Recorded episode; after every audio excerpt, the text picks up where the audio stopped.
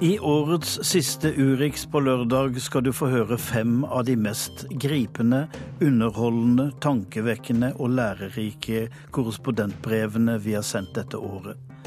Vi skal til en selvmordsbomber fra Mosul, en fisker fra Mombasa, dårlige naboer i Berlin, noen mystiske forsvinninger i Kina og et popikons død. Jeg heter Tom Christiansen. I Mosul fikk Midtøsten-korrespondent Kristin Solberg alt på en gang. Krig og konflikt, lidelse og død. En gutt spiller fotball og blir drept. Det var trist på Dagsrevyen. Men det var verre nytt. På irakisk fjernsyn gjenkjente hun en gammel venn med bombebelte rundt livet. Det er en lang historie. En gang spurte jeg et annet menneske om han ville drepe meg. Han så meg inn i øynene da han svarte og han svarte ja. Khalid Kelly og jeg sto utenfor en moské i hvit marmor i Islamabad. Året var 2009, og vi kjente hverandre godt. Vi hadde flyttet til Pakistan samtidig, og begge var der fordi landet var så urolig. Jeg for å dekke det som journalist, han for å ta del i uroen som jihadist. Den dagen snakket han gledesstrålende og forventningsfullt om hvordan han ønsket å bli selvmordsbomber. Det var daglige angrep i Pakistan på den tiden. Khaled ville utføre ett av dem. Det var hans aller største drøm. Hvis du ser en mann i en hotellobby, nybarbert og med en koffert i hånden, og du syns det er noe kjent med ham, bør du omfavne islam rimelig kjapt, sa han. Tonen hans var nesten ertende, der han refererte til koffertbomben han ville holde, og til min tilgang til paradiset han trodde på. Ville du sprengt bomben selv hvis du så meg der? Spurte jeg. Et naivt spørsmål, kanskje. Men vi hadde et slags fellesskap på den tiden, til tross for helt ulike virkelighetsoppfatninger. Jeg skrev bok, og Khalid var en av hovedpersonene. Vi tilbrakte derfor mange lange dager i hverandres selskap. I tillegg var vi begge utlendinger, og til dels ensomme, i et nytt land. Og jeg tror egentlig at vi likte hverandre, dog for min del bølget det frem og tilbake. Khalid kunne i det ene øyeblikket si at Osama bin Laden var en helt, og i det neste vise en nesten rørende omtanke, som da han kjøpte dadler før et intervju fordi han visste at jeg likte det. Vi sto tett sammen, tettere enn noensinne tidligere, for vi ville ikke at andre skulle høre hva vi snakket om. Jeg kunne kjenne pusten hans da han svarte ja. Jeg bryr meg om Allah, ikke om journalister, svarte han. Jeg dreper for Allah, det er den beste grunnen til å drepe. Jeg husker ikke hva jeg svarte, for minuttene i solskinnet utenfor moskeen fikk først stor betydning nå, mange år senere. Antagelig svarte jeg ingenting, for jeg trodde ikke på ham. Lite visste jeg at det nesten ville bli satt på prøve syv år senere, i et annet land, i en annen konflikt. Khalid har nettopp blitt selvmordsbomber for IS i kampen om Mosul. Jeg var i byen akkurat samtidig. Igjen var vi på samme sted til samme tid. Jeg som journalist, han som jihadist. IS offentliggjorde nettopp et bilde av ham, angivelig tatt like før han satte seg i en bil full av eksplosiver. Han ser rett inn i kamera. I hånden har han en kalasjnikov. På brystet en walkietalkie. Han ser annerledes ut enn da vi sto i solskinnet i Islamabad. Han er tynnere, skjegget er gråere. For meg som kjente ham da, ser han miserabel, nesten ulykkelig ut. Han ser ikke ut som en mann som er i ferd med å få sin drøm oppfylt. Og da jeg hører nyheten, merker jeg en slags sorg. For selv om jeg har sett på nært hold hvilke lidelser IS står bak, er jeg også en forfatter som har mistet en hovedperson. Og jeg kjente Khalid som en forfatter kjenner sin hovedperson. Godt. Svært godt. En gang kjente jeg ham like godt som jeg kjenner noen av mine nære venner. Jeg må medgi at jeg var redd første gang vi møttes i Pakistan. Jeg sa til en venninne at hun måtte slå alarm hvis jeg ikke var hjemme noen timer senere. Jeg ba sjåføren min vente utenfor og ringe hver halvtime for å sjekke at jeg ikke var kidnappet. Khalid hadde imidlertid ingen konkrete planer om å kidnappe meg selv om han understreket at det ville ha vært rettferdiggjort all den tid Norge hadde soldater i Afghanistan, som han sa. Han ville derimot fortelle sin historie. Han hadde endelig funnet sannheten. Sin sannhet. og han ønsket at andre skulle se den samme. Han ble født som Terence Edward Kelly i Dublin i 1967. Som barn ville han bli katolsk prest, men han mistet troen som ungdom. Han flyttet til London og utdannet seg til sykepleier. Av antydningene hans trakk jeg slutningen at det var en tid med en god del alkohol og en god del kvinner. Lokket av god skattefri inntekt flyttet han til Saudi-Arabia. Han pleide å øke volumet på stereoanlegget og åpne vinduene da moskeene kalte til bønn i Riyadh. Samtidig tjente han gode penger på å selge alkohol, forbudt i det konservative landet. Han ble arrestert og dømt til ni måneder i fengsel. En medfange ga ham en koran, og det var da det skjedde, det mest avgjørende i hans liv. Da jeg omfavnet islam, var det som om alle brikkene i livet falt på plass, sa han en dag vi satt i et hotellrom og spiste dadler. Han tok navnet Khalid og dro tilbake til London. Der ble han mer og mer radikal.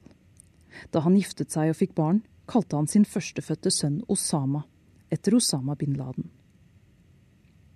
Han var kommet til Pakistan for å bli med i Taliban. Hvorfor kjemper du ikke med dem allerede? spurte jeg. Et øyeblikk så han lei seg ut. Forsøk selv å bli med i Taliban med irsk aksent, og se hvor lett det er, svarte han. Jeg skjønte etter hvert at hele livet hans hadde vært en lang jakt etter aksept, etter tilhørighet, og at det ikke var lett å finne, heller ikke hos Taliban. Ofte ble jeg satt ut av de ekstreme ved ordene han sa, men jeg møtte ham i rollen som journalist og forfatter. Min jobb var ikke å dømme, men å forsøke å forstå. Og å forstå er ikke det samme som å rettferdiggjøre eller akseptere. Slik så jeg ham etter hvert, som en mann på leting etter mening. Ved en tilfeldighet, en koran i et fengsel, fant han det i en bokstavtro tolkning av islam, men han kunne like gjerne funnet det i noe annet. Katolisismen, alkohol, høyrepopulisme, ekstremsport. En grunnleggende fundamentalisme i ham definerte ham vel så mye som religion. Hullet kunne ha blitt fylt med hva som helst, men uansett hadde det blitt ekstremt. Vi møttes i parker og på kafeer, i hotellobbyer og moskeer i mange måneder. Vi gikk turer, drakk te og spiste ostekake. Vi klagde over varmen og delte reisetips. På noen måter kan man nesten si at vi ble venner, dog ingen av oss ville ha kalt oss det. Khalid fordi han aldri ville ha blitt venn med en kafir, en vantro. Jeg fordi jeg aldri ville ha blitt venn med en jihadistkilde. Men noen ganger er språket fattig. Det kan ikke alltid beskrive rommet som deles av to mennesker. Kanskje var det derfor jeg ikke trodde ham da han sa han ville ha drept meg. Likevel tok jeg alltid forholdsregler. Jeg fortalte ham aldri hvor jeg bodde. Hvis vi delte en taxi på vei hjem, ba jeg alltid om å bli satt av i et annet nabolag enn mitt eget. Da IS-leder Abu Bakr al-Baghdadi erklærte et kalifat i 2014, var Khalid en av de første jeg tenkte på. Han kom med støtteerklæringer på Twitter der vi fulgte hverandre, før kontoen hans ble stengt. Det nærmeste vi kom hverandre siden, var Mosul fredag 4. november. Jeg sto på et feltsykehus i en veikant øst i byen. Niårige Ahmed kjempet for livet foran meg. Ti minutter tidligere hadde han spilt fotball med en fetter. Så sparket han ballen på en hjemmelaget bombe plassert der av IS. Han døde like etterpå. Samtidig kjørte Khalid sin bilbombe vest i byen. Et bilde offentliggjort av IS viser angivelig øyeblikket da bilen hans eksploderte like utenfor Mosul. Han drepte en gruppe militssoldater, ifølge IS. Da jeg først hørte nyheten, trodde jeg ikke helt på det. Jeg tenkte kanskje er det ikke sant. Det er bare noe IS sier, for propaganda. Jeg begynte å skrive en e-post til Khalid. Er det sant? Hvis det er det, håper jeg du hviler i fred. Hvis ikke, ta kontakt. Hvil i fred? Kan man si det til en person som har drept andre? Men hva ellers, sier man? Faen ta deg? Håper tiden i helvete blir lang og vanskelig? Jeg kunne ha skrevet alt, og ment det. Jeg sendte aldri e-posten, for jeg fant ikke de rette ordene.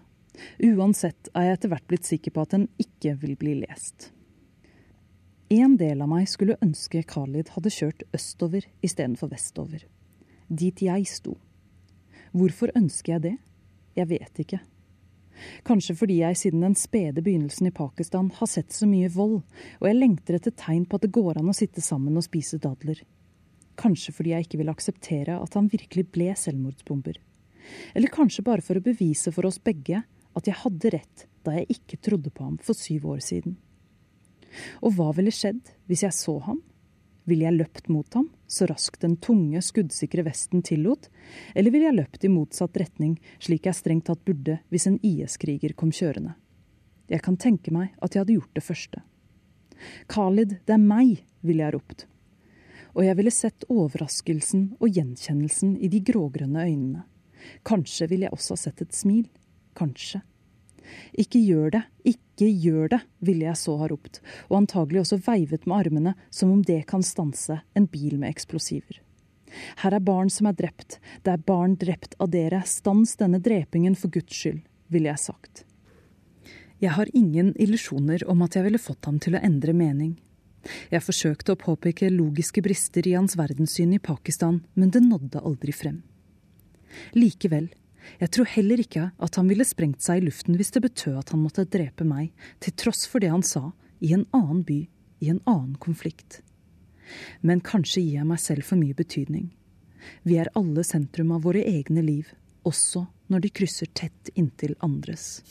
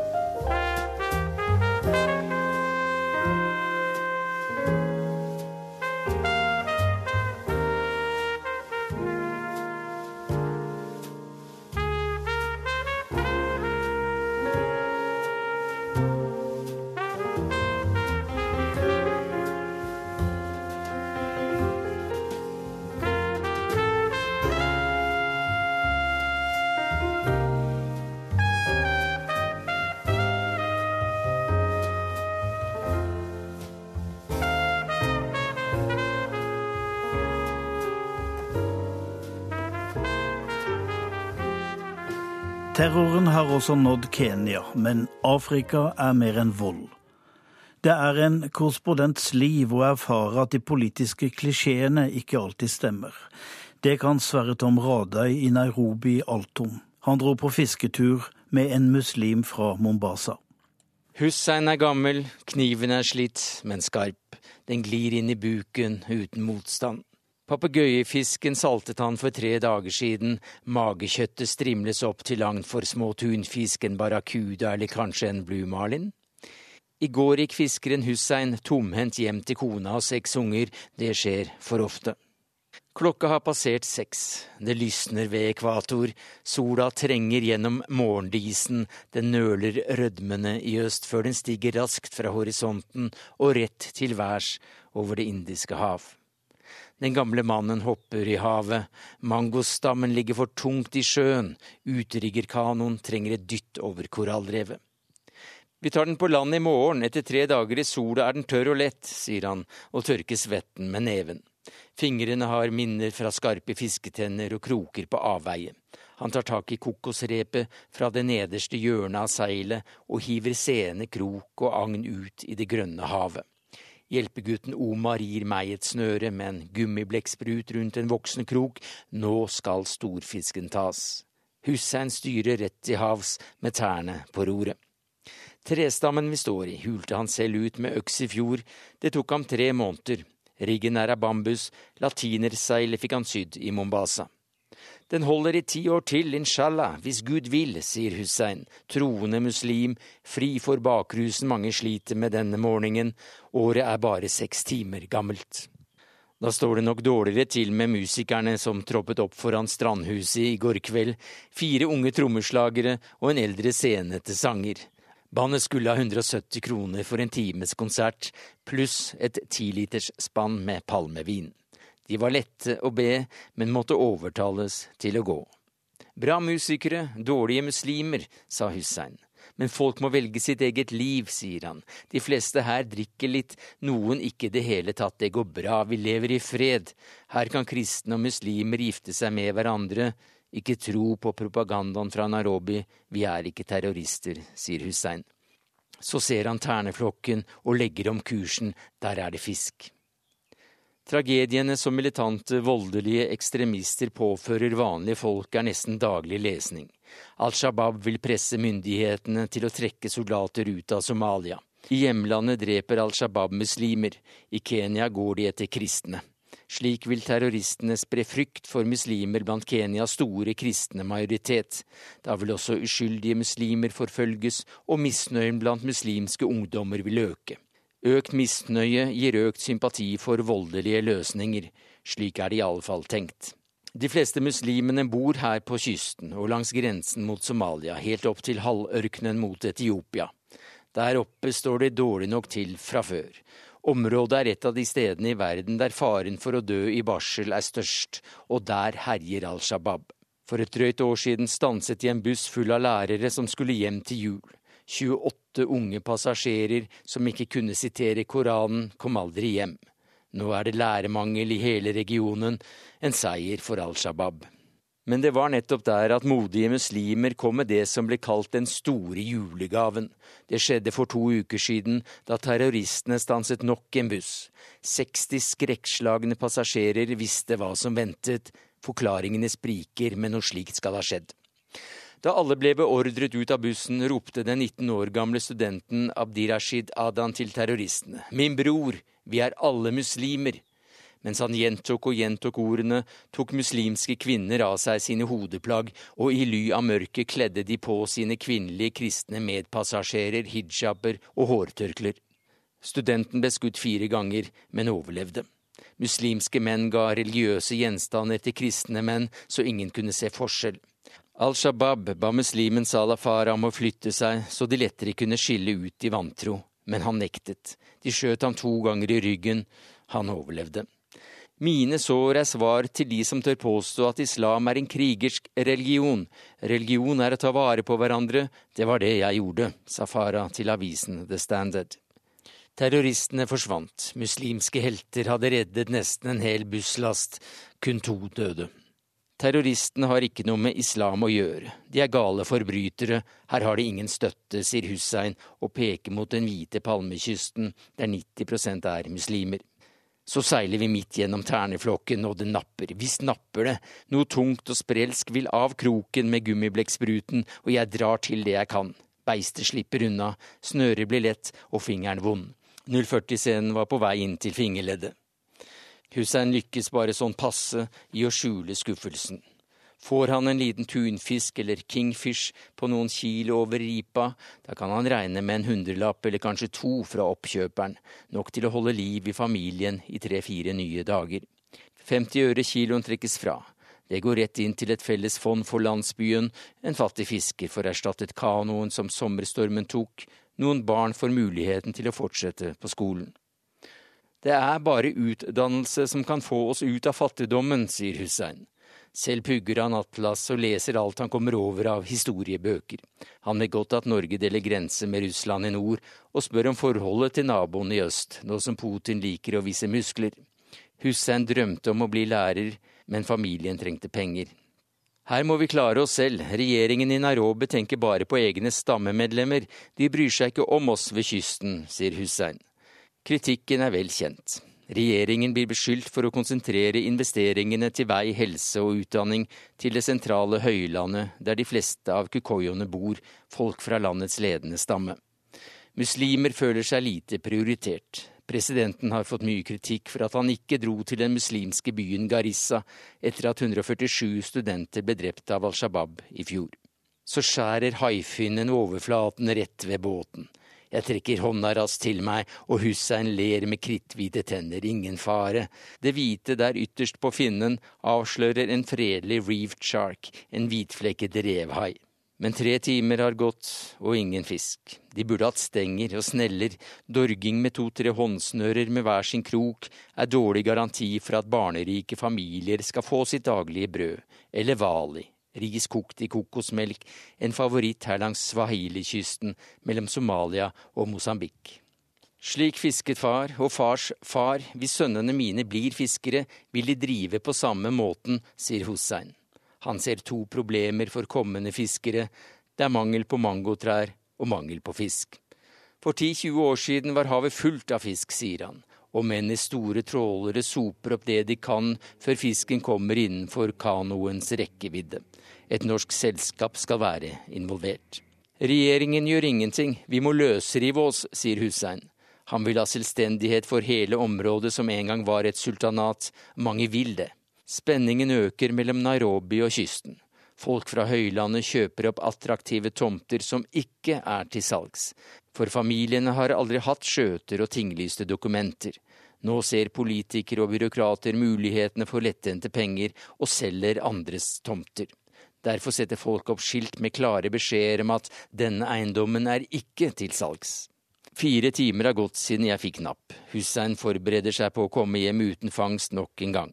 Da røsker de i snøret mitt, jeg ber Hussein dra inn fangsten, men han ber meg klare meg selv.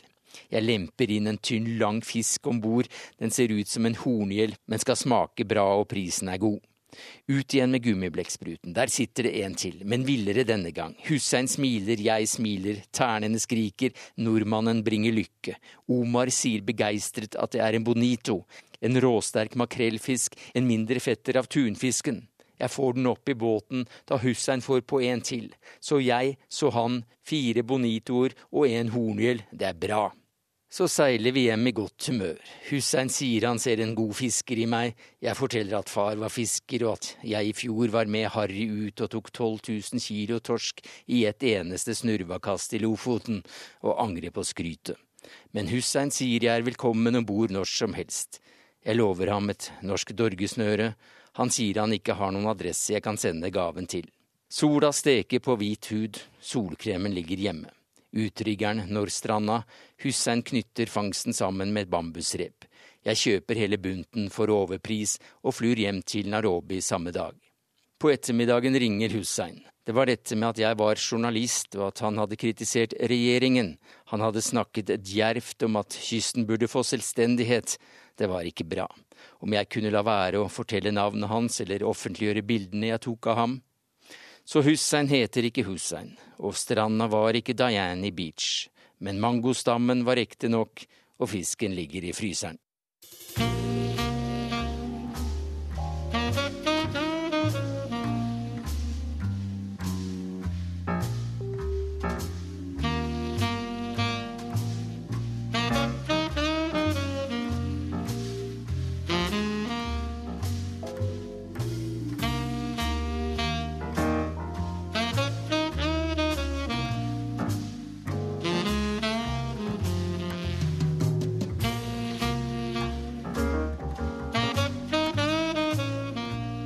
Også i Europa finner du disse gåtefulle hendelsene.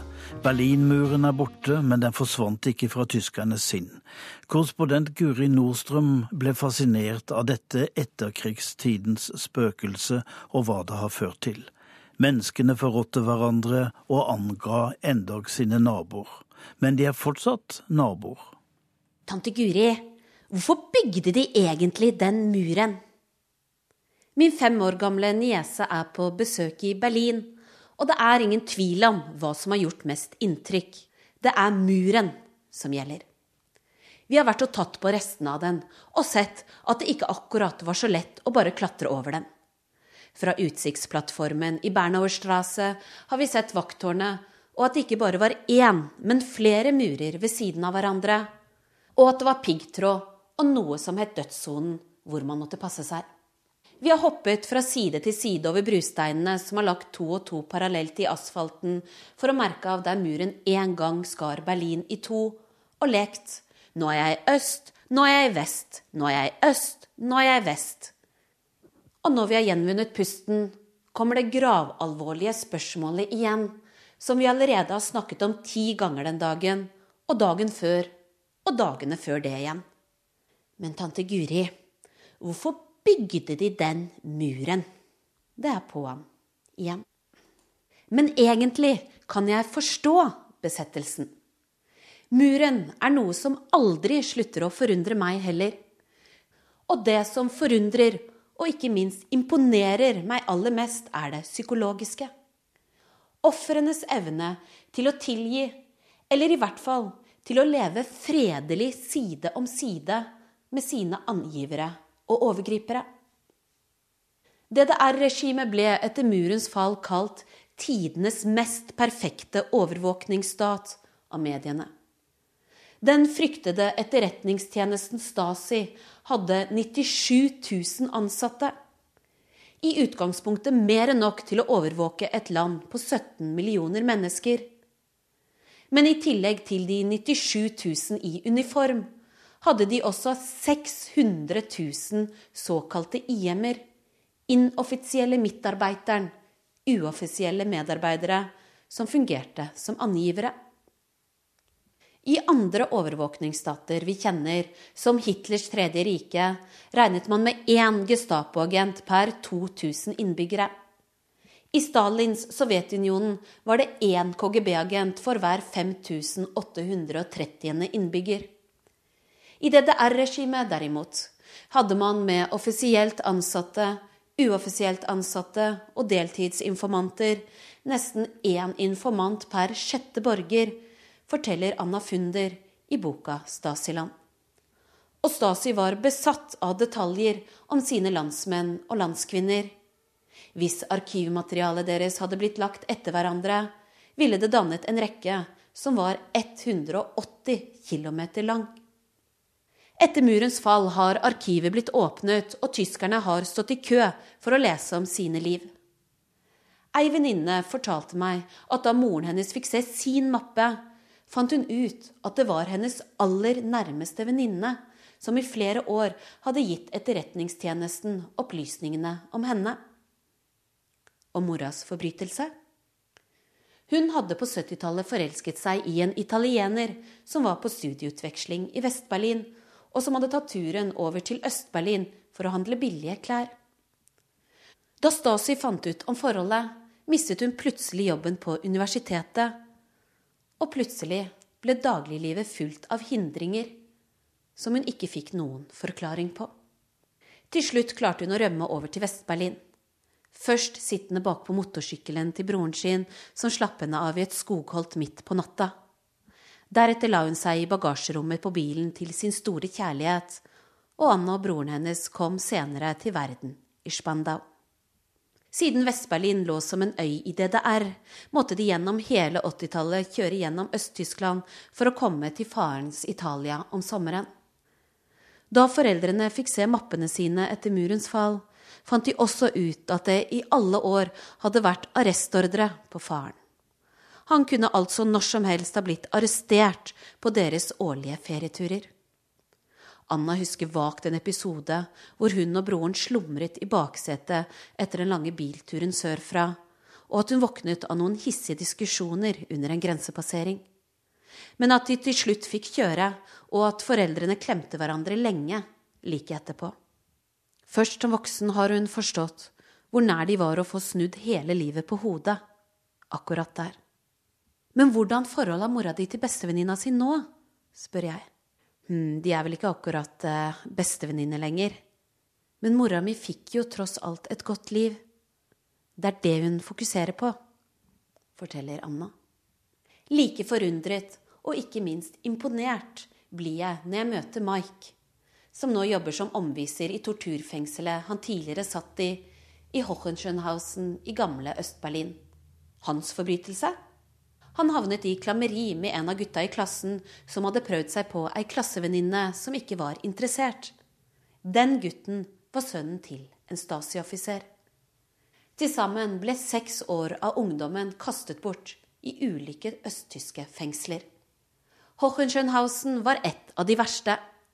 Det var nemlig fengselet som liksom ikke fantes i DDR-regimet.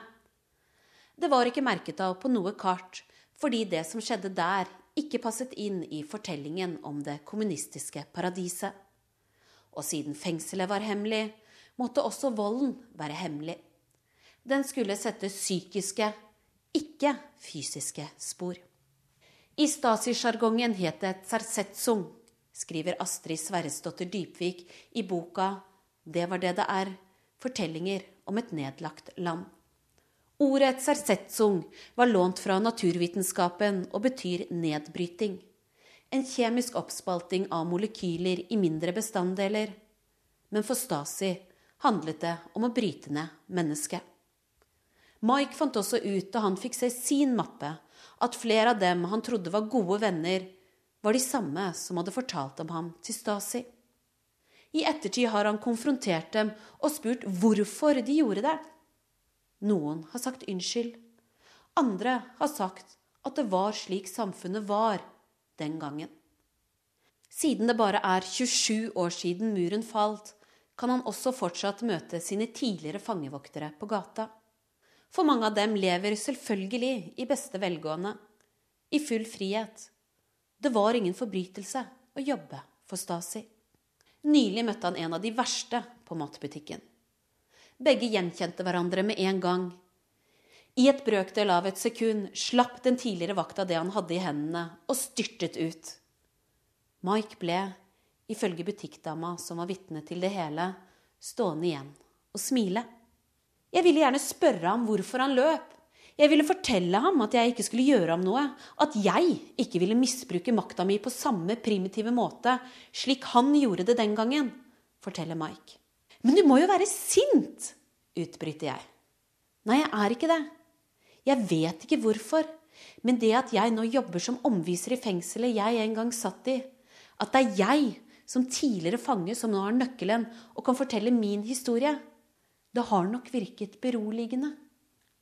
Etter innspillingen av en radio- og TV-debatt om migrantkrisa kom jeg i snakk med to glade pensjonister som har tatt turen inn til Phoenix og Deutschlandfunks studio ved Unter den Linden for å være publikum. Under serveringen etterpå blir vi stående lenge og prate. Jeg forteller om min beundring og forundring over tyskerne og tilgivelse. I andre land kan de i dag fortsatt drepe hverandre for noe som skjedde på 1600-tallet, sier jeg. Mens her går man videre i fred. Ofre og angivere, side om side. Jeg bare fatter det ikke. Han ene forsøker å forklare. Du må forstå, mange ble jo truet til å være angivere. Hvis de f.eks. hadde et barn som trengte sykehusbehandling, da kunne Stasi si at vi ser at du har et barn som trenger hjelp. Det kommer de ikke til å få dersom du ikke jobber for oss. Har du sett filmen De andres liv? Den beskriver det hele ganske bra, sier han. Selv opplevde han aldri noe av dette på kroppen, siden han har bodd i Vest-Tyskland hele livet. Han har også sluppet unna å delta i andre historiske grusomheter. Heldigvis ble jeg født først i 1940. Hadde jeg vært født ti år tidligere, hadde jeg sikkert også vært Hitlerjugend. Det var slik samfunnet var den gangen. Tante Guri, kommer noen til å bygge en mur igjen, tror du? Spør den murbesatte femåringen. Jeg slipper nok ikke unna med å begynne å fortelle henne om murene som nå bygges i dagens Europa. Og jeg tenker at når hun en gang blir voksen og skal fortelle videre det jeg forteller om dagens Europa nå, så vil hun kanskje også måtte forklare det med setningen Det var slik samfunnet var den gangen.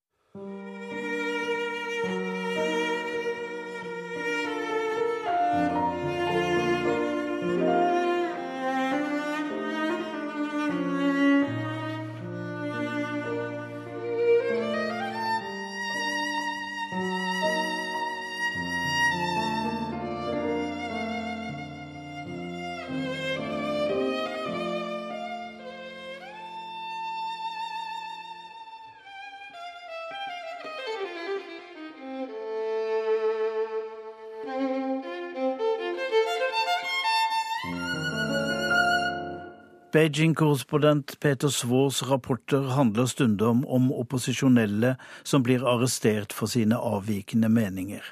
Men hvor blir de av? For noen forsvinner. På vei til påskeferie hjemme i Norge for et par uker siden sto jeg nok en gang i den store og moderne avgangshallen på flyplassen her i Beijing. Mellom innsjekkskranker og store lystavler tjakset småbarnsfamilier av gårde med altfor mye bagasje og lange køer snodde seg av folk på vei hit eller dit. Men hver gang jeg sjekker inn her nå, blir jeg minnet om at dette også er flyplassen hvor folk nå bare forsvinner. I det ene øyeblikket er de på vei gjennom passkontrollen og på vei ut til flyet, og i det neste øyeblikket er de borte, som sunket i et svart hull. Ingen spor, avslått mobiltelefon, og ingen vet helt sikkert akkurat hva som har hendt med dem. Et eller annet sted mellom Pizza Hut og taxfree-butikken finnes det tilsynelatende en anonym, umerket dør, en snarvei om du vil, ned i politistatens mørke kjeller. Den siste som forsvant på denne måten, var den kinesiske journalisten Jia Jia for omtrent en måned siden. Den siste som hørte fra 35-åringen, var kona hans. De snakket på telefonen etter at han hadde passert passkontrollen. Alt var normalt, og han sa han regnet med å lande i Hongkong ved ellevetiden den kvelden. Men så langt kom han aldri. Jia Jia var plutselig vekk i en sekk. Hva som egentlig skjedde, er fortsatt uklart, for selv Jia Jias advokat har ikke ønsket å gå i særlige detaljer. Det er vanlig her i slike saker. Men hans venner og samarbeidspartnere sier de har grunn til å tro at hans forsvinning kan knyttes til et oppsiktsvekkende åpent brev som dukket opp i en kinesisk avis her rett før den årlige folkekongressen startet i Beijing i begynnelsen av mars. Det forbløffende brevet var stilet direkte til Kinas president Xi Jinping. Kamerat Xi, vi føler at du ikke har de nødvendige egenskaper til å lede partiet og nasjonen inn i fremtiden, åpnet brevskriverne. De fortsatte. Måten du har samlet all makt i dine hender, og nå tar alle avgjørelser selv, har ført til uante problemer i politikken, i økonomien og i den kulturelle sfære. I brevet ble Xi beskyldt for å avvikle det kinesiske kommunistpartiets kollektive beslutningsprosesser, som kinesiske ledere her har lent seg på siden Maos død. Brevskriverne hevdet at Xi var i ferd med å bygge en ny personkult rundt seg selv, og skrev at alle muligheter for å lufte rimelige motforestillinger nå er blitt stengt. Så kom noe som lignet en trussel. For partiets skyld, av hensynet til Kinas langsiktige fred og stabilitet, og for din egen families sikkerhet, ber vi deg om å trekke deg fra alle verv, avsluttet brevskriverne, og signerte brevet lojale kommunistpartimedlemmer. Så hva var dette, og hvem sto bak? Uansett hvem de lojale partimedlemmene er, så skrev de i brevet etter tre år hvor det har vært en kraftig politisk, kulturell og ideologisk innstramming her i Kina. Sivilsamfunn, organisasjonsliv, medier, advokater og kunstnere slås ned på her med stadig hardere hånd, med ordre om å marsjere i partiets takt eller ta konsekvensene. Senest i fjor sommer ble et helt advokatkontor her i byen raidet av myndighetene og stemplet som en kriminell bande. Fortsatt sitter et titalls advokater fengslet. De få opposisjonelle og annerledes tenkende som det var mulig å finne og intervjue her i Beijing for noen år siden, de finnes rett og slett ikke lenger. Enten tør de ikke å snakke, eller så sitter de bak lås og slå. Det er bare noen uker siden president Xi dro på en rundtur til de største kinesiske nyhetsredaksjonene her i Beijing, med budskap om at Kinas journalister nå må utvise absolutt lojalitet til kommunistpartiet. Mens Xi gikk rundt i nyhetsredaksjonen i hovedkvarteret til kinesisk statlig TV, kunne man lese slagord på en skjermvegg bak i lokalet. Kinesisk fjernsyns etternavn er partiet. Vi er absolutt lojale. Vennligst inspiser oss, sto det på skjermen. Også under en av mine turer til det berømte silkemarkedet her i Beijing forleden skvatt jeg til. Oppe i fjerde etasje kom jeg over et helt hjørne jeg aldri har sett før. Det var fylt av nøkkelringer, pyntetallerkener og bannere med bilder av Qi Dada, som kineserne liker å kalle ham, og hans kone, sangerinnen Peng Liyuan. Selgeren ville ha 350 yuan for en rød Qi-tallerken, mens jeg fikk prutet den ned til 70. Det kan selvsagt bare være suvenirselgere som vil tjene noen yuan på presidentparets kjendisstatus, Men den eneste andre kinesiske lederen jeg noensinne har sett avbildet på suvenirer her i Beijing, det er Mao. Nå i år har partipressen her i Kina også begynt å omtale Xi som en kjerneleder. Det er et kinesisk maktuttrykk som det nå er børstet støv av etter at det ikke har vært i bruk siden Deng Xiaopings dager. Det er altså en stadig mer sentralisert og mer hardhendt ledelse av Kina som er bakteppet for den anonyme kritikken som ingen her fortsatt vet hvem som står bak. Men brevet var så krast formulert at mange, i hvert fall i starten, ikke tok brevskriverne særlig alvorlig. Bak en signatur som lojale partimedlemmer kunne det jo skjule seg hva som helst. Flere regnet faktisk med at avisen Woojie var utsatt for et slags dataangrep, og at det hele kunne være en spøk. Men så, for noen uker siden, startet sikkerhetspolitiet sin klappjakt på brevskriverne. De ansatte i avisen som trykket brevet, Woojie, var de første som fikk besøk. Minst 16 mennesker knyttet til avisen skal nå være innbrakt. Både avisens journalister og ansatte i dataavdelingen har forsvunnet, ifølge en anonym ansatt som tok telefonen da BBC ringte til avisredaksjonen for en drøy uke siden. Hele avisens fremtid virker nå usikker. Journalisten Jia nekter ifølge sin advokat å ha hatt noe med brevet å gjøre, annet enn at han har ringt til venner i redaksjonen og advart dem mot følgene av å publisere. Men jakten på brevskriverne har nå også spredt seg utenfor Kinas grenser. Bloggeren og rettighetsaktivisten Wen Yuancho bor i New York, men sier at politiet for to uker siden troppet opp hos hans bror og hans gamle foreldre i Guangdong-provinsen sør i Kina. Familien ble bedt om å forklare seg om Wen hadde noe med brevet å gjøre, og broren fikk ifølge ham selv beskjed om at han ville miste jobben om familien ikke samarbeidet i etterforskningen. En annen som har fått merke denne jakten på kroppen, er journalisten Chang Ping. Chang bor i Tyskland, men sier hans familie i Kina nå er anholdt, og at han har fått krav om å slette artikler han har skrevet om brevet, fra nettsidene til den tyske kringkasteren Deutsche Welle. Det har Chang Ping til nå nektet å gjøre. Men også innad i kommunistpartiet har enkelte kritiske røster nå meldt seg. På nettsidene til partiets egen komité for disiplinærsaker ble det nylig lagt ut et essay med tittelen 1000 ja-mennesker kan ikke måle seg med én ærlig rådgiver. Artikkelen tar nærmest form av en slags fabel og trekker linjene tilbake hundrevis av år i tid i Kinas historie. Meningsinnholdet er likevel aktuelt nok. Å kunne drøfte meninger fritt og å kunne akseptere andres forslag til løsninger kan avgjøre om et imperie står eller faller, konkluderer artikkelen, som er skrevet av noen av partiets mest lojale medarbeidere, nemlig de som har i oppgave å drive den prestisjetunge antikorrupsjonskampanjen fremover.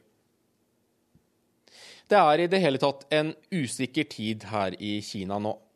Økonomien har ikke gått dårligere på 25 år, og millioner av kinesiske arbeidere står i fare for å miste jobbene sine de neste årene. Gruve- og stålarbeidere som ikke får lønn fra statseide gruver og stålverk, protesterer i gatene både i Nord- og Sør-Kina. Konfliktnivået med Beijing er på oppadgående kurve både i Hongkong og på Taiwan, og tiden hvor Kinas økonomi så ut til å vokse inn i himmelen, den er over, i hvert fall for denne gang. Midt i dette hylles og dyrkes ledelsen her på en måte som kan gi assosiasjoner til 60- og 70-tallet, samtidig som et anonymt brev starter en klappjakt på avsenderne på tre kontinenter. Jia Jia ble løslatt for noen dager siden. Ifølge advokaten hans passer det dårlig nå å forklare hvorfor han ble arrestert, eller for den saks skyld hvorfor han siden ble løslatt. Han nøyde seg med å si at Jia hadde fortalt at han ikke sto bak noe brev. Selv skal jeg ut og reise fra Beijings flyplass igjen i morgen. Den flyplassen hvor folk bare forsvinner nå, gjennom en umerket dør et eller annet sted, uten et spor.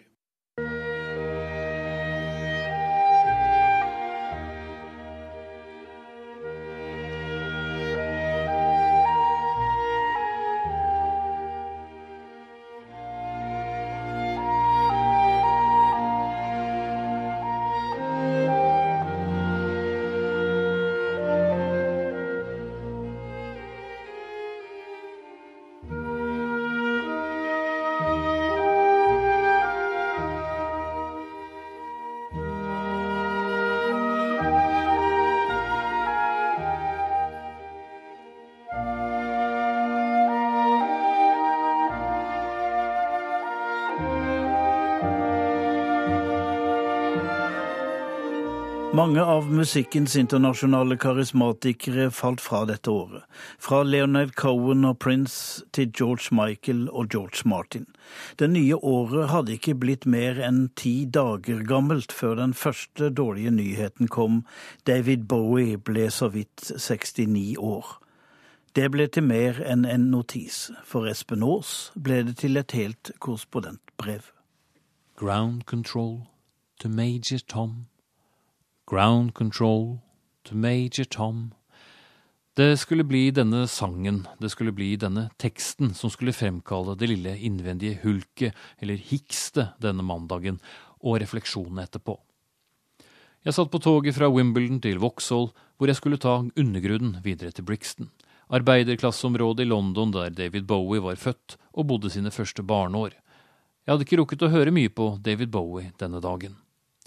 Nyheten om at han var død, sprakk i sjutiden her i London, og jeg må innrømme at jeg mottok den med stor tvil. Kunne det være sant? Jeg hadde ringt eh, nettdesken i Oslo for å varsle, samt rukket å rapportere et par ganger i radio og TV. I tillegg hadde jeg booket min faste kameramann for dagen. Det kom til å bli en av de intense breaking news-dagene som du som korrespondent elsker, uansett hvor mye stress det måtte bli. Nå hadde jeg for første gang satt meg ned. Jeg hadde puttet øreproppen i ørene og hentet opp musikkspilleren på mobilen. Jeg kunne se at det siste jeg hadde spilt, var Black Star, albumet Bowie ga ut på fredagen før, på 69-årsdagen sin, to dager før han døde. Black Star er en flott plate, det, men var overhodet ikke det jeg ville høre på nå. Jeg satt og vurderte hvilket av de tre favorittalbumene det skulle bli, Hunky Dory, Siggy Stardust eller Space Oddity, som først bare het David Bowie da det kom ut i 1969 og det ble sistnevnte, og det er nettopp Space Oddity som åpner albumet. Det var egentlig et helt perfekt valg av sang. Den akustiske gitaren til David Bowie fades inn i høyre kanal, grepene er vel C og E-mål, tror jeg, det er lenge siden jeg har plukket på noen gitar selv. I det venstre øret kommer snart perkusjonen inn, før Bowies monotone stemme fylte begge ørene. Ground control to Major Tom, ground control to Major Tom. Take your protein pills and put your helmet on. Ground control to Major Tom. Som innfører historien om Major Tom, en fiktiv astronaut som skulle dukke opp på senere plater også, ikke bare hos Bowie. Planen var å gå videre til de neste låtene, men jeg kom aldri dit. Jeg skulle ikke engang bli ferdig med denne sangen. Commencing countdown, engines on. Check ignition and may God's love be with you.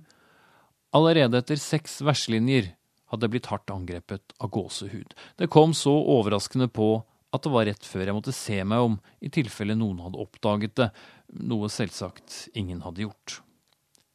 This is ground control to Major Tom. You have really made the grade. Om bare 15-20 minutter kommer jeg til å være i vanlig jobbmodus igjen. Jeg ville ha møtt fotograf Johan utenfor Brixton stasjon. Vi ville ha filmet alle de som la ned blomster ved veggmaleriet av hans alter ego Siggy Stardust rett ved stasjonen. Vi ville ha gått de få minuttene til huset der Bowie bodde sine første leveår, bli overrasket over kun møte et annet TV-team der, ha intervjuet gråtkalte fans som kommer for å legge ned blomsterhilsener, kort og platecovere, deretter rapportert direkte på TV og radio om at de gjorde nettopp det. Vi kom til å reise inn til sentrum, til den lille gatestubben som går parallelt med Regent Street, hvor det legendariske platecoveret til Siggy Stardust and The Spiders from Mars ble tatt. Vi kom til å filme og snakke med fans der også, rapportere derfra i en bunke med sendinger, redigere reportasje, tvitre, legge ut bilder på Instagram, ha direktesending på Facebook, gjøre alt det som jobben innebar på en dag som denne. Vi skulle også avslutte den med å reise ned til Brixton igjen, for en siste direkterapport i Dagsrevyen. Alt sammen uten noen antydning til klump i halsen eller gåsehud, for når du jobber, så jobber du, og føler etterpå. And the papers want to know whose shirts you wear. Now it's time to leave the capsule if you dare. Men ingenting av det der hadde skjedd ennå, jeg var bare på vei dit, jeg satt bare på et tog og hørte på en sang med litt gåsehud. Samtidig var jeg kommet frem til det stedet i teksten hvor kommunikasjonen snur, der det ikke lenger er de på bakkekontrollen som snakker, men Major Tom. This is Major Tom to ground control. I'm stepping through the door, and I'm floating in a most peculiar way. And the stars look very different today. Og det er akkurat her det brister.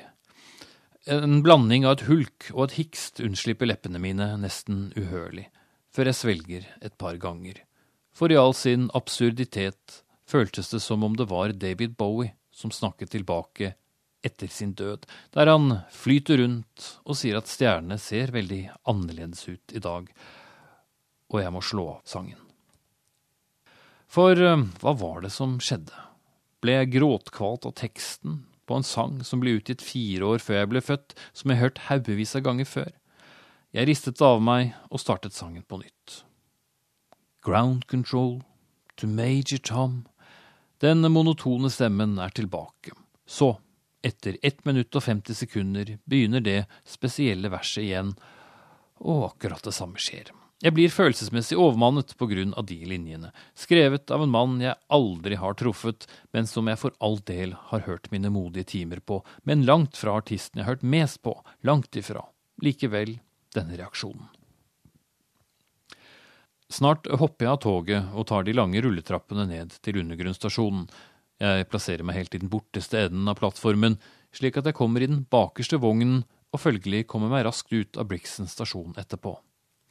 Idet jeg ser inn i tunnelen, blir jeg minnet på en kronikk jeg leste rett etter nyttår.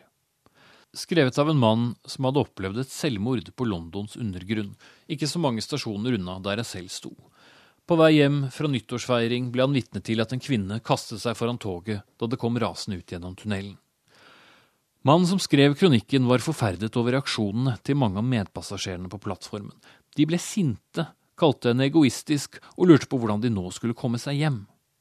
Fortsatt en anelse emosjonell etter musikkopplevelse på toget, tenkte også jeg at jo, det var en forferdelig måte å reagere på. Før jeg kom på at jeg selv har reagert på lignende måte, selv om jeg ikke har vært et direkte vitne til selvmord. Men hvert eneste år blir hundrevis av mennesker påkjørt av tog eller bane her i London. Rundt 80 er selvmord. Transportmyndighetene oppgir ikke lenger statistikk, i håp om at det kan forhindre at flere hopper foran togene men jeg har mang en gang hørt beskjeden over høyttalerne. Toget er forsinket fordi en person har havnet foran toget, eller som det nå gjerne heter, toget er forsinket på grunn av en hendelse, som betyr akkurat det samme. Vel, jeg må innrømme at jeg hver gang har sukket oppgitt, hevet øyenbrynene og sendt av gårde en tekstmelding om at noen har hoppet foran toget så jeg blir forsinket, vet ikke hvor lenge. Før beskjeden 'linjen er ryddet' kommer.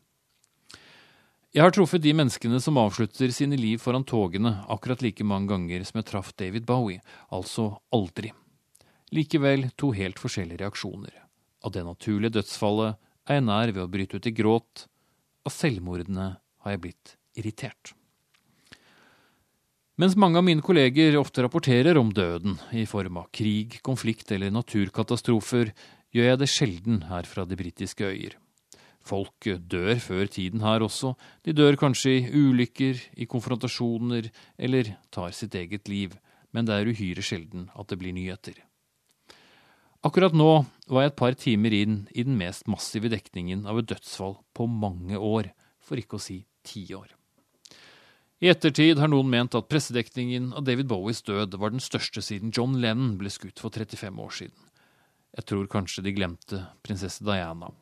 Like fullt var alle nyhetssendinger ryddet for å minnes David Bowie på de flotteste måter.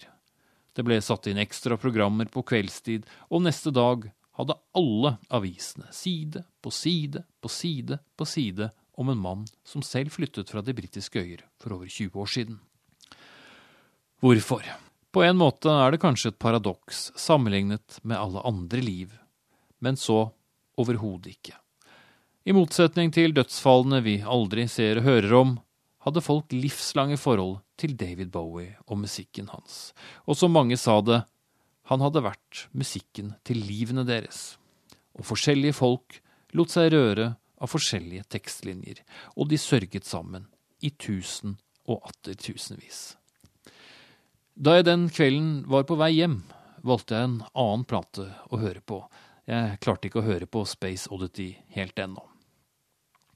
Og la det bli mellom oss, men hver gang jeg skulle lese inn dette ene verset til dette korrespondentbrevet, har jeg måttet gjøre det på nytt.